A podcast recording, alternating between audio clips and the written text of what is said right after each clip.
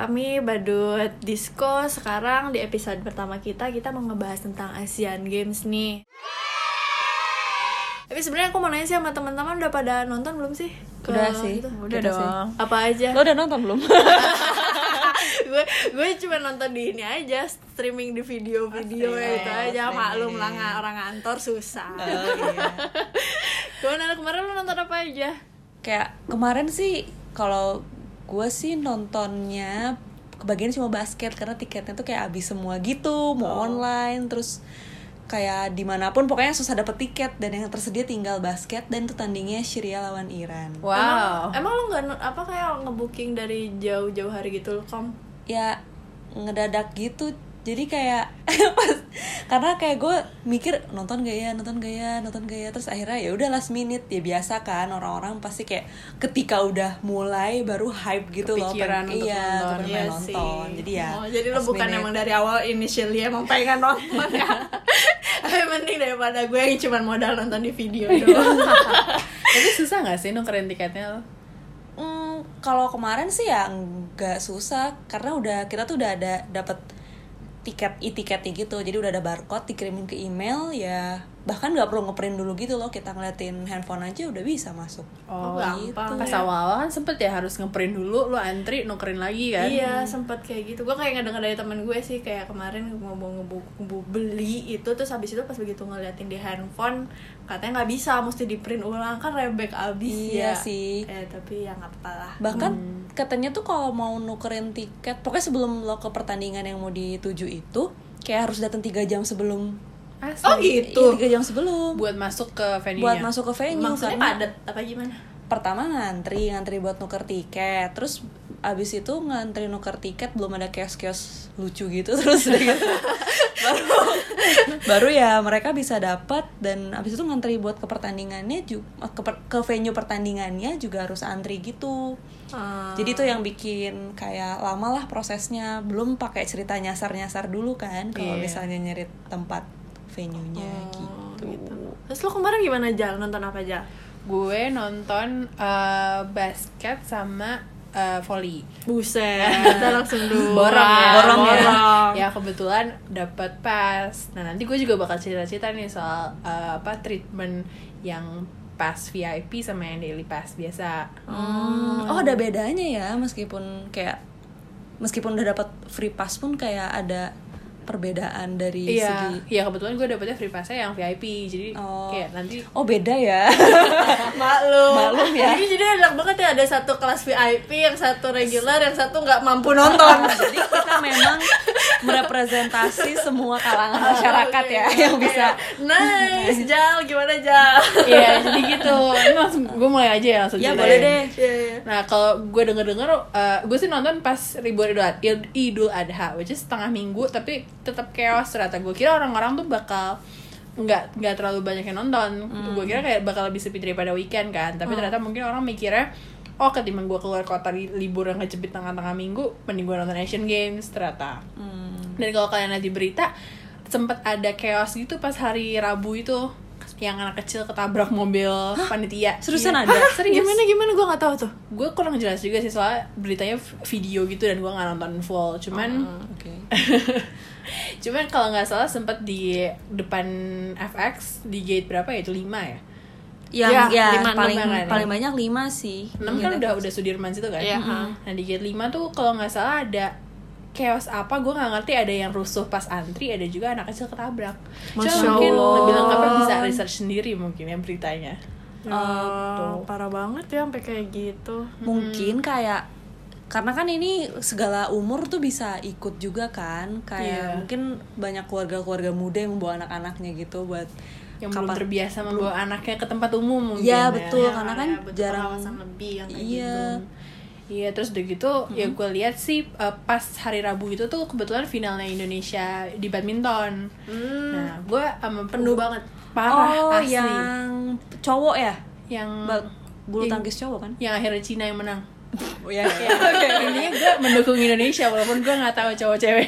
ya ya ya ya Terus terus terus nah uh, gue pas datang tuh emang udah jam 5an gitu dan mereka jadwal tanding jam 7 eh, masuk terus kebetulan tuh yang paling deket dari gate 7 emang badminton dan apalagi ya gue lupa deh. Cuman pokoknya yang gue awalnya niatnya mau nonton basket cuman udah kelewat jadwalnya karena susah banget by the way cari parkirnya kalau lo mau mending naik transportasi umum. Eh, itu tuh masuk udah antri banget mel- melingkar-lingkar depan istora gitu loh. Ya ampun. Belum lagi pas datang tuh ada ada menteri mau, mau datang jadi kayak makin Oh. orang-orang di pinggir-pinggirin juga kan sterilin ya. sterilin area dulu sih bener-bener oh, jadi gitu. penuh banget akhirnya gue mengurungkan niat untuk nonton badminton. Walaupun gue sangat mensupport Indonesia. Terus nggak boleh buat ya kalau Iya, kayak boleh gitu buat. kan iya. Princess nggak bisa. Oke Loh, princess apa onjal? Lupa kembali di Mampang. Kembali ya Nah, terus terus terus. Akhirnya gue eh, nonton basket basketnya Jepang lawan Hong Kong kalau nggak salah. Hmm. terus pas datang sih gue udah kayak tengah-tengah game gitu terus cuma nonton bentar. Nah eh, pas masuk tuh ternyata pintu VIP beda sama yang biasa kan. Asik. Asik. Asik. gila gimana banget nih sih. Anjal jadi princess dong. Kali-kali ya. Sehari-hari boleh di jalanan iya tapi kalau udah gini-gini Ya, VIP lah. Bisa. VIP duit mangkal dipakai dong. Iya, foya foya yoi. nonton Asian Games. Biar Betulin roda terus berputar. Iya. Terus terus terus. Udah gitu eh, fasilitas yang eh, orang VIP dapetin orang VIP pemegang eh, pass VIP dapetin tuh lo ada lounge khusus gitu. Mereka serve eh, salah satu produk minuman isotonic yang merupakan sponsor dari Asian Games juga. Terus juga eh, produk air mineral yang sponsor juga. Itu tuh free flow terus eh, ada teh biasa lah ya eh, kue-kue kecil gitu potongan ada buah sama susu yang sponsor juga produk susu yang sponsor. Itu Oh, semua wow. free flow dan kayak ada sofa-sofanya gitu di tiap uh, venue. Oh, kayaknya gue liat deh, kayak pas pas nonton basket itu ada yang kayak space-nya beda gitu loh di antara tribun-tribun penonton reguler ini. Itu ada kayak satu spot yang lu warna kayak gitu. Bahwa penonton biasa seperti itu. Nah itu tuh ada spot warna ungu. Yang di situ bukan sih? Kayak biasa Iya. duduk-duduknya. Gue duduknya tuh dua line dari depan sih. Cuman emang kalau di situ mungkin yang VVIP kali ya. VP, VVIP ya. VVIP yang yang agak ada jarak-jaraknya. Oh, tuh gitu. kalau nggak salah sih tuh kayak buat representatif dari masing-masing negara, Negara kayak ya, misalnya, oh. tapi itu full keisi enggak sih? Kagak. Kosong. Kosong. Kosong Ya itu. Sayang banget. Jarang orang waktu pas gue nonton aja tuh super sepi kayak cuma ada satu bapak-bapak gitu yang kayak mungkin perwakilan dari salah satu negara. Mm-mm, kayak bisa aja dubes gitu kan iya iya. Terus uh, kalau gue sih waktu basket dapetnya uh, tetap di row biasa, cuman kedua dari depan gitu dan emang entrance-nya beda. Tapi kalau pas volley, gue persis di belakangnya tempat yang ya orang-orang representatifnya itu, yang VIP-nya. Terus ya enak aja sih sebenarnya kalau dapet VIP mungkin lo punya cara sendiri untuk mendapatkan tiketnya. Gue rekomend lo buat ngambil itu. Ya karena lo bisa gimana caranya ya kayaknya kita harus berteman dengan Onjal dan teman-temannya. memang kita harus lebih banyak bergabung dengan asosiasi badut ya Iya, bener. nggak boleh nggak boleh terpisah Iya, kadang-kadang maaf ya saya banyak absennya nih Jal, jadi Iya, iya, susah dapet tiket jadi nonton di Iya, video. kerjanya buat korporat soalnya kalau badut caki Saya kerja buat Iya. korporat. Terus harus kali-kali kerja di jalanan ya gue Oke, tahu betul, kerasnya betul betul terus uh, ya udah kayak Oh, enak keluar gitu. masuk gampang Hmm. terus uh, bener-bener di escort sama panitianya untuk kayak silakan nih pintu sini gitu. panitia resmi atau kayak volunteer gitu sih kan kayak volunteer ada banyak banget tuh kayak nah, gue bedanya sih bedanya gimana Iya, nggak bisa dibedain sih ya. iya kayak kaos-kaosnya Baju- kaosnya sama-sama sama aja gitu ya? heeh. Oke. cuma mungkin semua panitia cuma ada yang di distribusiin lagi kali ya Hmm, ada yang ya sih. entrance mana entrance mana gitu Eh, tapi ngomong-ngomong soal volunteer gitu ya, kayak gue kasihan deh. Kan kan gue kayak halu gitu kan, kayak lagi nyari eh, venue-nya di mana. Ternyata tuh ada shuttle. Jadi kalau misalnya kita mau kalau kita mau ke tempat-tempat pertandingan di dalam kompleks GBK itu, kita tuh ada shuttle busnya. Jadi nggak nggak perlu repot-repot jalan kaki buat yang mager sih. Nah, tapi volunteer itu suka kena marah gitu karena biasanya selalu kepenuhan. Ah, kok volunteer? Karena kan volunteer tuh yang ngatur-ngatur Naik si turunnya naik ya? turunnya shuttle. Iya sih, Terus akhirnya gimana? Dia keluar gitu aja. Kagak. Ya pasrah Oke, lah tapi ya. despite kayak kita sekarang tahu ya kondisi Asian Games 2018, kira-kira kalian tahu nggak sih kenapa yang dipilih Indonesia buat jadi tuan rumah Asian Games? Karena kita itu negara Asia yang paling diverse kali ya enggak ya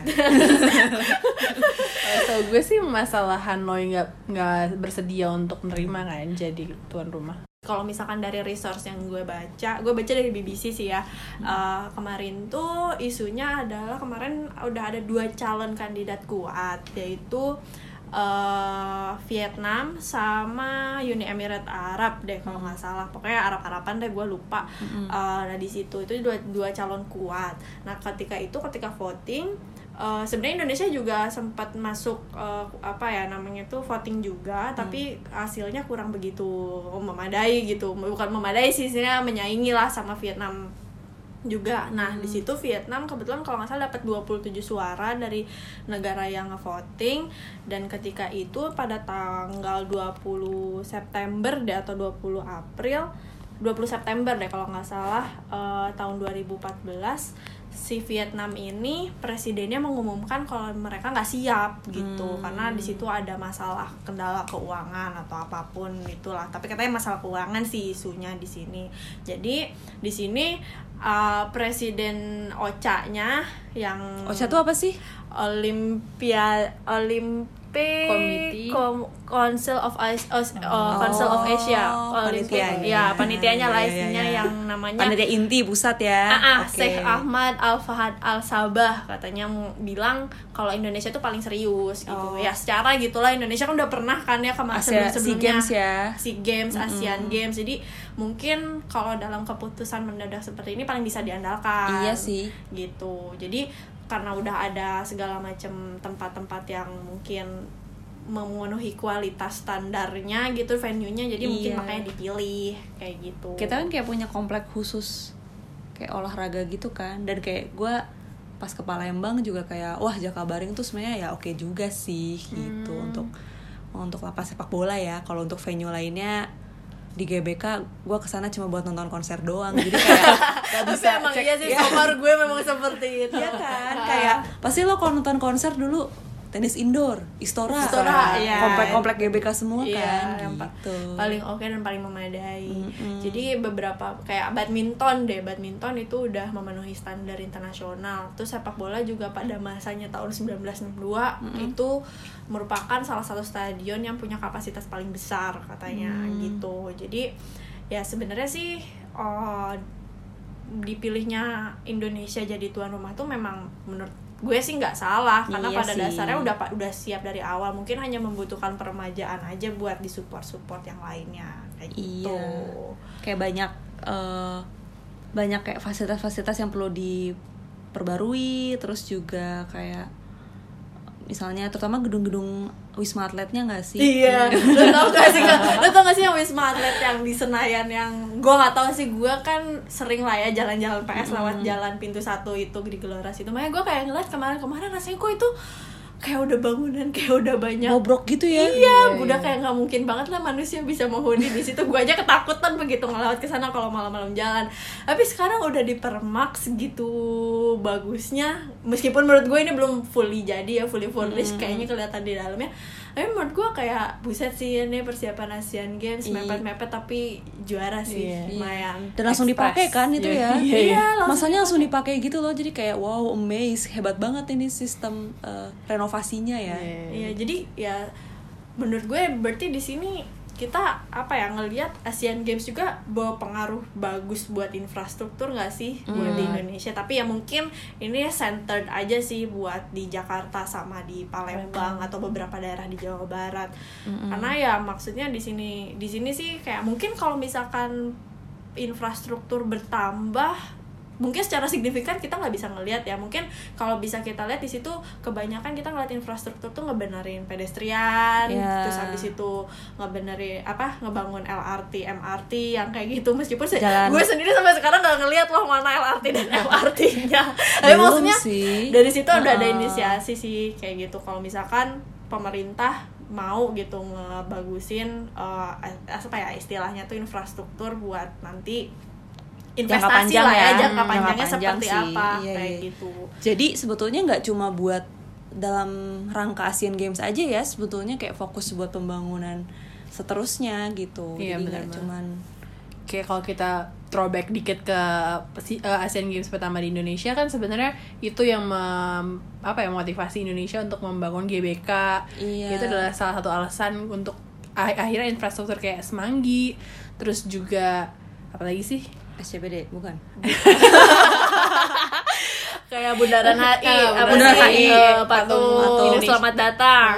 Terus habis itu HI-nya, Iya, terus Hotel semua Indonesia-nya gitu. ada karena Asian Games Tapi gitu bedanya tuh lebih kayak kalau zaman dulu tuh kayaknya lebih dibuat icon-icon gitu nggak sih? Kayaknya emang tujuannya buat bikin Jakarta jadi eh, mega city Kayak- sih. Kayak gue pernah baca kalau memang zaman dulu waktu zaman pemerintahan di era pertamanya Asian Games ya memang niat untuk pembangunan gitu, membuat Jakarta sebagai icon. Cuman untuk sekarang mungkin lebih pembangunan gak sih? Iya, Beda meningkatkan gitu loh. aja. Iya lebih ngembangin lah nggak remajain sama nih nambah nambahin aja kali dari yang udah ada karena kalau yang gue dapat dari info dari apa ya siaran persnya kominfo jadi kalau misalkan di Jakarta itu yang misalnya ditambahin bukan ditambahin sih sebenarnya mungkin di remajain tuh yang jadi fokus proyek infrastrukturnya adalah stadion utama fasilitas latihan kemudian stadion renang ada lapangan hoki terus panahan sama sepak bola istoranya juga. Wow, banyak tenis juga ya. indoor itu tuh pada dibagus-bagusin lagi dirombak terus habis itu gedung basket dan banyak lah tapi kalau misalkan di Palembang itu di Jakabaringnya jadi ada dua venue buat dayung sama tembak Oh, gitu. tapi emang beda banget sih kayak nuansa GBK yang dulu dan yang sekarang tuh wah gila deh. Kayak di luar negeri banget lah. Asik, Ya, Asik. Kayak gue mesti nonton banget ya ke sana biar tahu banget secara Ya. konkret kayak gimana gitu physically di sana. Ya atau setelah Asian Games lari-lari lucu lah. ya Gitu. begitulah terus eh, selain itu juga sebenarnya dalam infrastruktur tuh kalau gue ngeliat eh, di sini juga ada peningkatan kualitas fungsinya sih kayak bikin ruang publik yang itu tadi gue bilang kayak pedestriannya terus kayak jalur-jalur di dalamnya ya nggak sih kayak Iya agak-agak sih. berbeda terus habis itu juga lebih ya? hijau-hijau Iya. kayak gitu nggak sih kayak kalau dulu kayak ngeliat GBK agak-agak aduh gersang. Tapi ya kalau sekarang lebih inilah. Terus ada juga kayak sekarang kan ada kayak food court food court gak sih di sana? Cuman Food court ya memang ke dalam arenanya sih kayak dibuat beberapa jadi ada tiga arena gitu sesuai sama icon-icon Bin-bin bin-bin. Kata itu. Jadi tiap si arena itu tuh memang kayak buat food court food courtnya. Tapi itu tuh permanen gak sih? Kayak after game eh, Asian Games bakal ada lagi gak sih mungkin feeling gue enggak sih ya. Ah, feeling gue. kayak cuman untuk event aja kan? Iya, kalaupun ada mungkin itu sebagai apa ya tempat mengenang aja tapi iya soalnya kayak gue pun kayak sekarang kalau misalkan yang kayak bundaran HI gitu ya itu memang buat mengenang dan kalaupun mau kita replace atau misalkan kita hilangin juga gila banget kan nggak mungkin Iya. gitu. Cuman kalau misalkan yang kayak gitu kan nggak sebegitu besar mungkin nggak terlalu inilah kayak gitu. Loh Ya, cuma ngomong-ngomong soal kayak peremajaan dan perbaikan infrastruktur, gue sih berharapnya nggak cuma yang ada di GBK atau di sepanjang Jalan Sudirman HI Iya maupun sih. di Palembang doang sih yang dipermajakan atau jadi bagus. Kayak mungkin kita boleh lihat ke daerah-daerah pinggir kota gitu, misalnya udah hampir ke perbatasan Bekasi. Gue perhatiin kayak masih sama-sama aja. Apakah jangan sampai kesannya soal cuman pencitraan doang di hadapan orang-orang asing yang datang. Iya sih. Iya sih benar. Cuman menurut gue sih itu lagi-lagi gara-gara itu sih keputusan yang dadakan itu sih Oh, yang milih si Indonesia ini jadi ini karena paling siap karena ya itu tadi infrastruktur yang sudah tersedianya hanya ada di Palembang sama Jakarta. Kalau menurut gue sih kayak gitu. Mungkin kalau misalkan nanti nggak ada insiden dadakan, aduh aku nggak mau dia jadi tuan rumah, nggak akan Indonesia nggak akan terlalu diinin lah. Mungkin bisa lebih berpikir lebih futuristik lagi ke depan seperti apa gitu untuk pengembangan investasi infrastrukturnya iya bener gitu Gila. kalau misalkan sebenarnya kita Asian Games ini se booming apa sih kalau di luar lo tau gak sih kom Kalau di luar nih, kosta gue ya, umum-umumnya sih yang heboh lagu-lagunya. Kayak kalian tahu kan lagu yang meraih bintang Oh, yang si Via Valen. Ya. Nah, itu tuh ternyata di selain Indone bahasa Indonesia ada versi bahasa Arab, ada versi Mandarin, versi lo bisa jadi Korea. Mandarin kan Alhamdulillah. alhamdulillah ya tapi Eh. eh, gak lah gak, gak usah deh nanti gue terkenal gitu jadi kayak ternyata tuh ya mungkin mereka tuh pengen merasa lagunya itu sebenarnya sangat-sangat eh, bersemangat gitu loh misalnya. Jadi ya udahlah mending lebih baik dibahasakan sesuai bahasa. Sebenarnya nggak iya.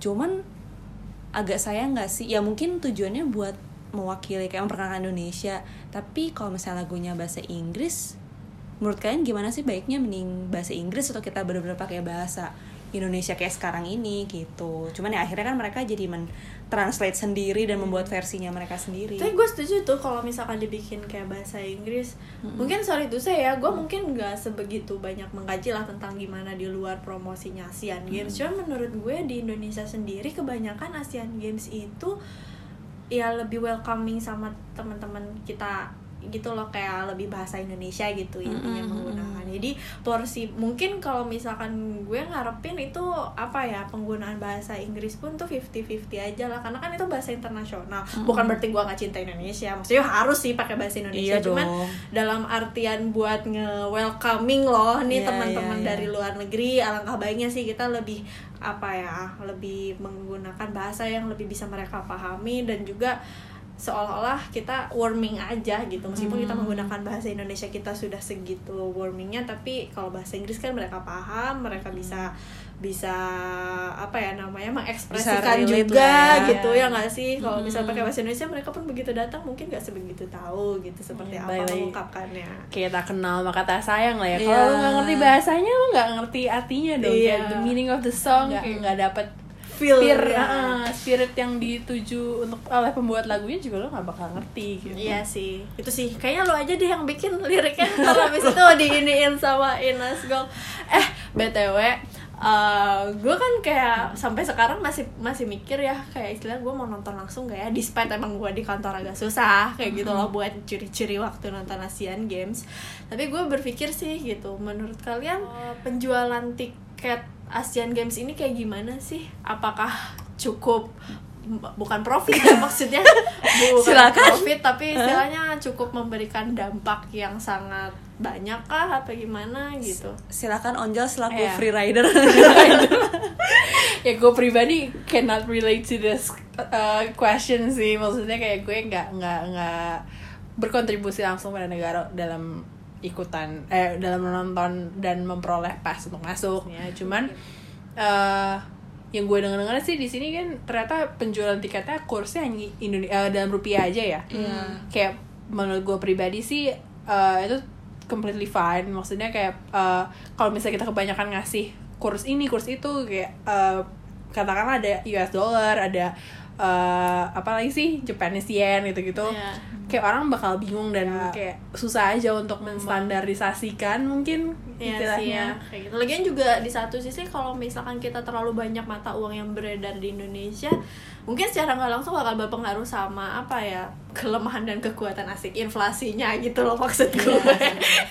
inflasinya gitu loh di Indonesia. Mungkin makanya ya kenapa dipilihlah rupiah. Ayo dong, kita cinta rupiah. Asik. cinta banget rupiah apalagi kalau dilemparin dari mobil-mobil ke gue kayak kayak yang lek.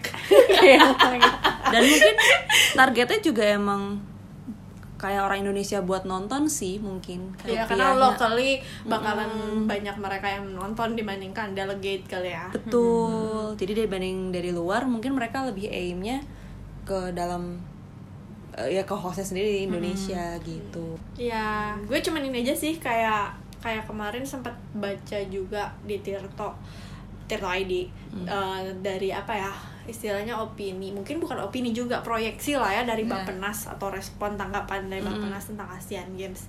Jadi kalau menurut Bappenas sih perkiraan dampak langsung pengeluaran peserta dan pengunjung Asian Games itu bisa sampai 3,6 triliun loh. Gila nggak itu uang Gede buat tiket sih. loh secara gila itu proyeksinya. Tapi tiket kan nggak semua ya tiket katanya sih habis terjual ya tapi kayak- sampai sekarang udah habis?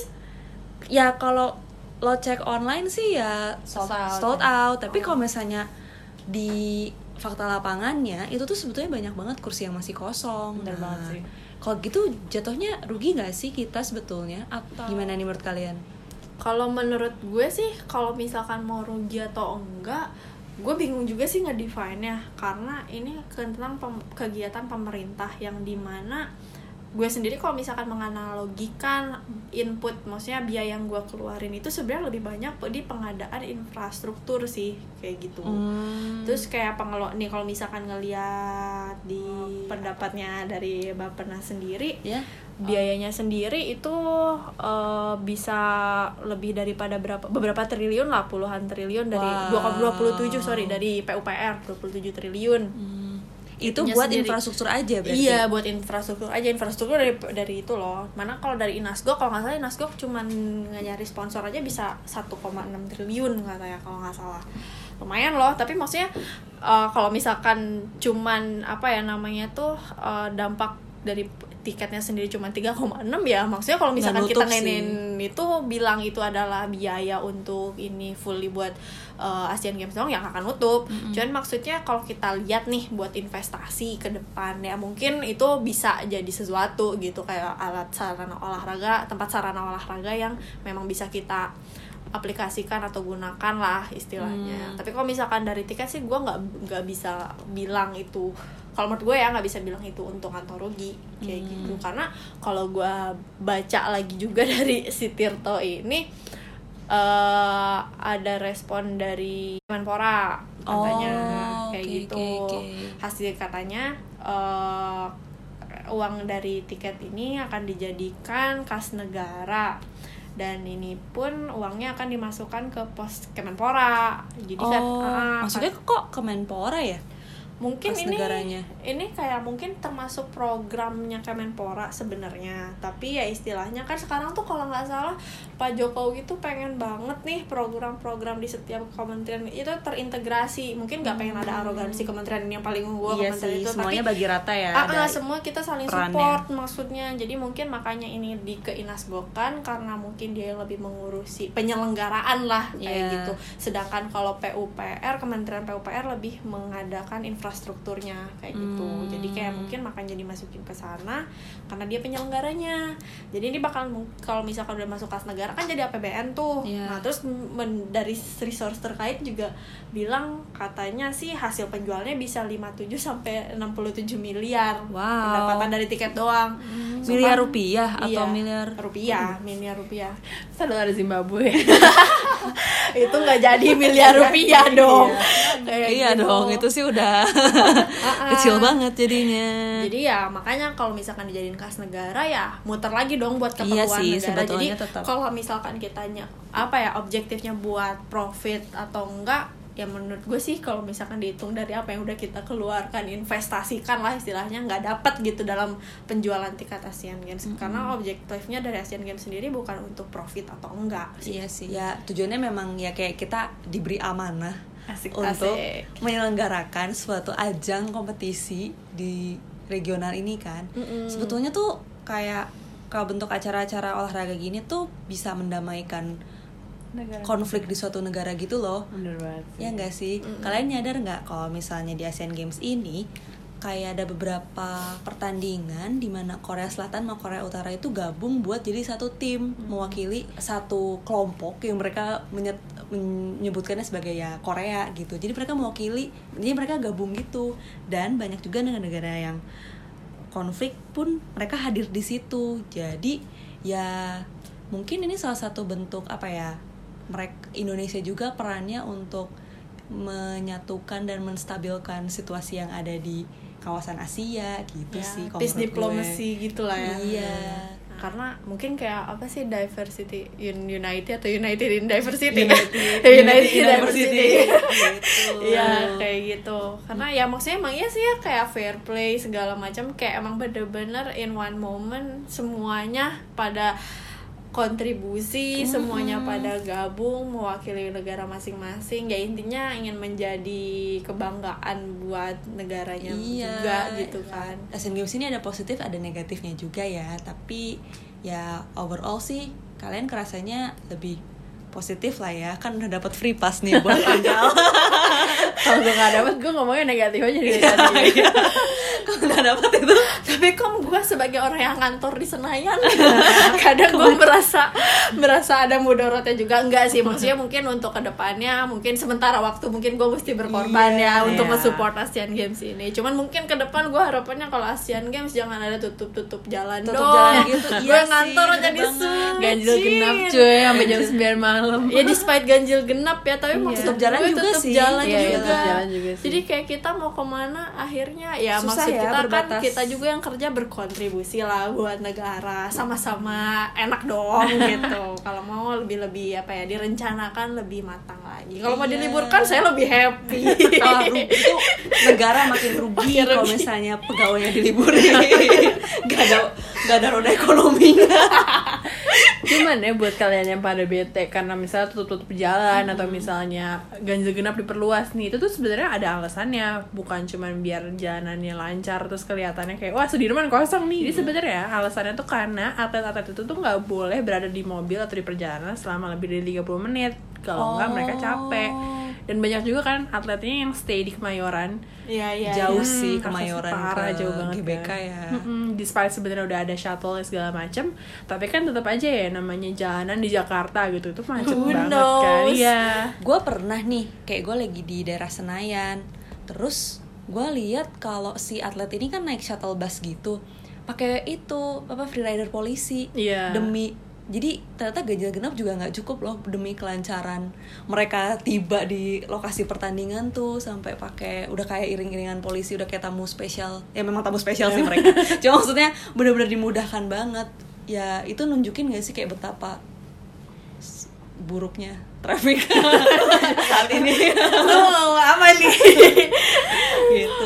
mungkin sebenarnya lebih ke perencanaan sih ya Iya lagi-lagi sih. ke perencanaan karena menurut gue bisa sih sebenarnya tanpa mungkin mendirikan bisa nggak sih kayak bu hotel yang di sekitar Senayan atau sekitar venue di booking semuanya khusus buat atlet menurut gue bisa aja gitu sehingga maksud gue atlet-atlet itu tidak per- perlu menghadapi stres dalam kemacetan stres dalam mepet-mepet perjalanan ke venue seperti itu sih. Karena kalau misalkan nggak tahu ya gue tuh orangnya tipikal balik lagi ke perencanaan. Kalau perencanaannya masih kurang matang ya akhirnya bisa macem-macem. Yang matang aja bisa jadi fail Tiba-tiba ya, kayak selalu ada kejadian buruk. Wallahu alam ya Wallahu alam bisawab ya Allah Makanya nggak ada yang tahu juga ya Ih gitu. ya ampun ternyata kita udah udah ke mana-mana ya ngobrol lah Iya Asian Games sumpah Iya. serba-serbi Asian Games tuh kayak nggak pernah selesai gitu ya bisa kita lihat dari berbagai aspek Terus apa dong ekspektasi lo kom kalau misalkan Hmm. ke depannya Asian Games ada di Indonesia lagi? kayaknya sih ya jangan di Jakarta aja kali ya Terus mau di mana? maunya di Palembang aja biar gue bisa balik balik mengunjungi Oke. Ah paling apa ya? Mungkin Kayak- dari segi tiketing sih ya, tiketingnya coba jangan ya lebih prepare lagi. Kayak udah tahu ini acara besar, terus nggak ada persiapan. Padahal tiket itu salah satu akses pertama ke. iya banget itu kayak first Market. impression buat orang-orang Iya nggak betul sih, banget. tuh. Dan ngaruhnya tuh ketika gagal gini kan kita nggak tahu ya apakah panitia inti dari uh, Olimpik apa Ocha Ocha tadi itu mereconsider Indonesia lagi nggak? Atau mereconsider suatu company tertentu untuk dipercayakan kepengurusan tiket gitu gitu Oke, masalah tiketing sebenarnya gue juga agak apa ya mempertanyakan sih. Karena kayak kita aja bisa bikin lembaga sendiri which is it, it- eh, apa Inasgok kan buat mengurus acaranya kayak kenapa hal sesimpel tiket aja eh, nggak bisa outsourcing kasarnya? Kayak kita kerja sama sama eh, startup Indonesia mungkin lokal. Ya, ini sekarang akhirnya udah kan sama udah Blibli tapi maksudnya dari awal? Dari awal. Kita tuh dari awal udah kerja sama sebetulnya. Oh, sama suatu company startup tiket. Nah cuman menurut balik lagi menurut seperti yang kata Caki bilang kayak perencanaannya itu kayak ini kan acara gede masa cuman satu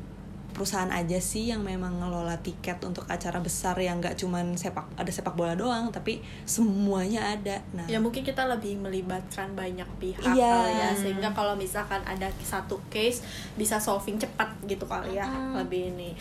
Kayak Ya. sekarang kan udah tahu nggak sih kalau kalau beli tiket tuh nggak cuma bisa di satu tempat aja tapi macam-macam gitu jadi kita bisa online di tiga tempat dan termasuk di official tiketnya Asian Games gitu Asik. Jadi nggak nggak satu pintu kayak administrasi Jakarta ya? Oh, iya. Terus menurut lo gimana nih kalau Asian Games nanti ada lagi di Indonesia? Ya sama sih kurang lebih eh, kayak semoga nggak di Jakarta biar nggak macet. Mohon maaf loh barusan ada backsound backsound yang mencurigakan itu efek aja biar seru. Terus terus terus. Eh, apalagi ya? Ya, So far sih gue liat kayak udah udah oke banget. Cuman mungkin masalah kayak eh, di dalamnya sendiri kayak shuttle kayak gitu tuh gue rasa eh, armadanya sendiri kurang memadai dalam segi jumlah gak sih? Kayak kita lihat sering tapi masih tetap penuh Iya, di betul. dalamnya. Kayak mungkin orang-orang yang kasarnya pengen jalan-jalan aja di dalam GBK itu dibatasi juga kali ya jumlahnya per hari. Gitu gitu hal-hal teknis aja sih. Kalau gue sendiri sih berpikir kalau gue venue-nya nggak pengen di pusat dong, gue lebih pengen orang-orang tuh justru disuruh jalan-jalan ke daerah lain selain Jakarta. Kalau gue ya berpikir, karena katanya juga menurut resource yang gue baca juga di Tirto ID sebenarnya kan itu tadi dampak mungkin nggak hanya ke ini loh nggak hanya ke tiket doang gitu penjualan di situ tapi diharapkan tuh ekonomi lokal meningkat apalagi di sektor pariwisata. Tapi sekarang gue melihat belum banyak atlet yang jalan-jalan ke destinasi wisata. Jadi maksud gue tuh kayak gue berharap memang di tempat yang memang bisa Di luar berwisata. Jakarta ya. Ah, ah, karena gue melihat kalau Jakarta ya mungkin wisata kota ya jatuhnya. Iya tapi sih, pada ke kota tua katanya doyannya. Ah, Paling dekat mungkin perbatasan antara Kemayoran sama eh, Jakarta Barat. eh, barat, kan. Jadi kayak Iya, jadi mungkin kalau menurut gue ya gue lebih prefer di tempat-tempat destinasi yang oke lah. Kalau Bali mungkin oke lah, mungkin terlalu crowded. Coba di Iya. daerah-daerah lain yang mungkin Indonesia bisa lebih ditingkatkan lagi infrastrukturnya, terus apa ya namanya potensi wisatanya juga masih banyak gitu, kayak gitu. Despite Jakarta juga udah ada, tapi coba kita seguhkan nature kayak gitu biar orang-orang tuh tahu alam Indonesia tuh. Wuh. Eh balik lagi, arena sportnya ada nggak? Nah itu tadi Iya. kayak gue bilang kan biar Indonesia nya rata ke sebelah Iya sono. sih, betul-betul, betul. Oke deh kayaknya kita udah ini ya Banyakan udah ya. hot banget Banyakan ya. udah hot banget mudah-mudahan kalian yang ngedengerin kita bisa mengikuti lah ya maksud kita apa kalau kalian memang ada masukan atau apa kritik mungkin nanti kita akan buka line tersendiri lah kayak gitu Iya. atau misalkan mau diangkat topik tentang fenomena Indonesia sekarang kita oke banget sih terbuka mungkin Iya, kita ngomong. welcome banget deh pokoknya dengan masukannya. Oke, sampai segitu dulu ya. Sampai ketemu lagi di podcast episode kedua. Bye. Bye.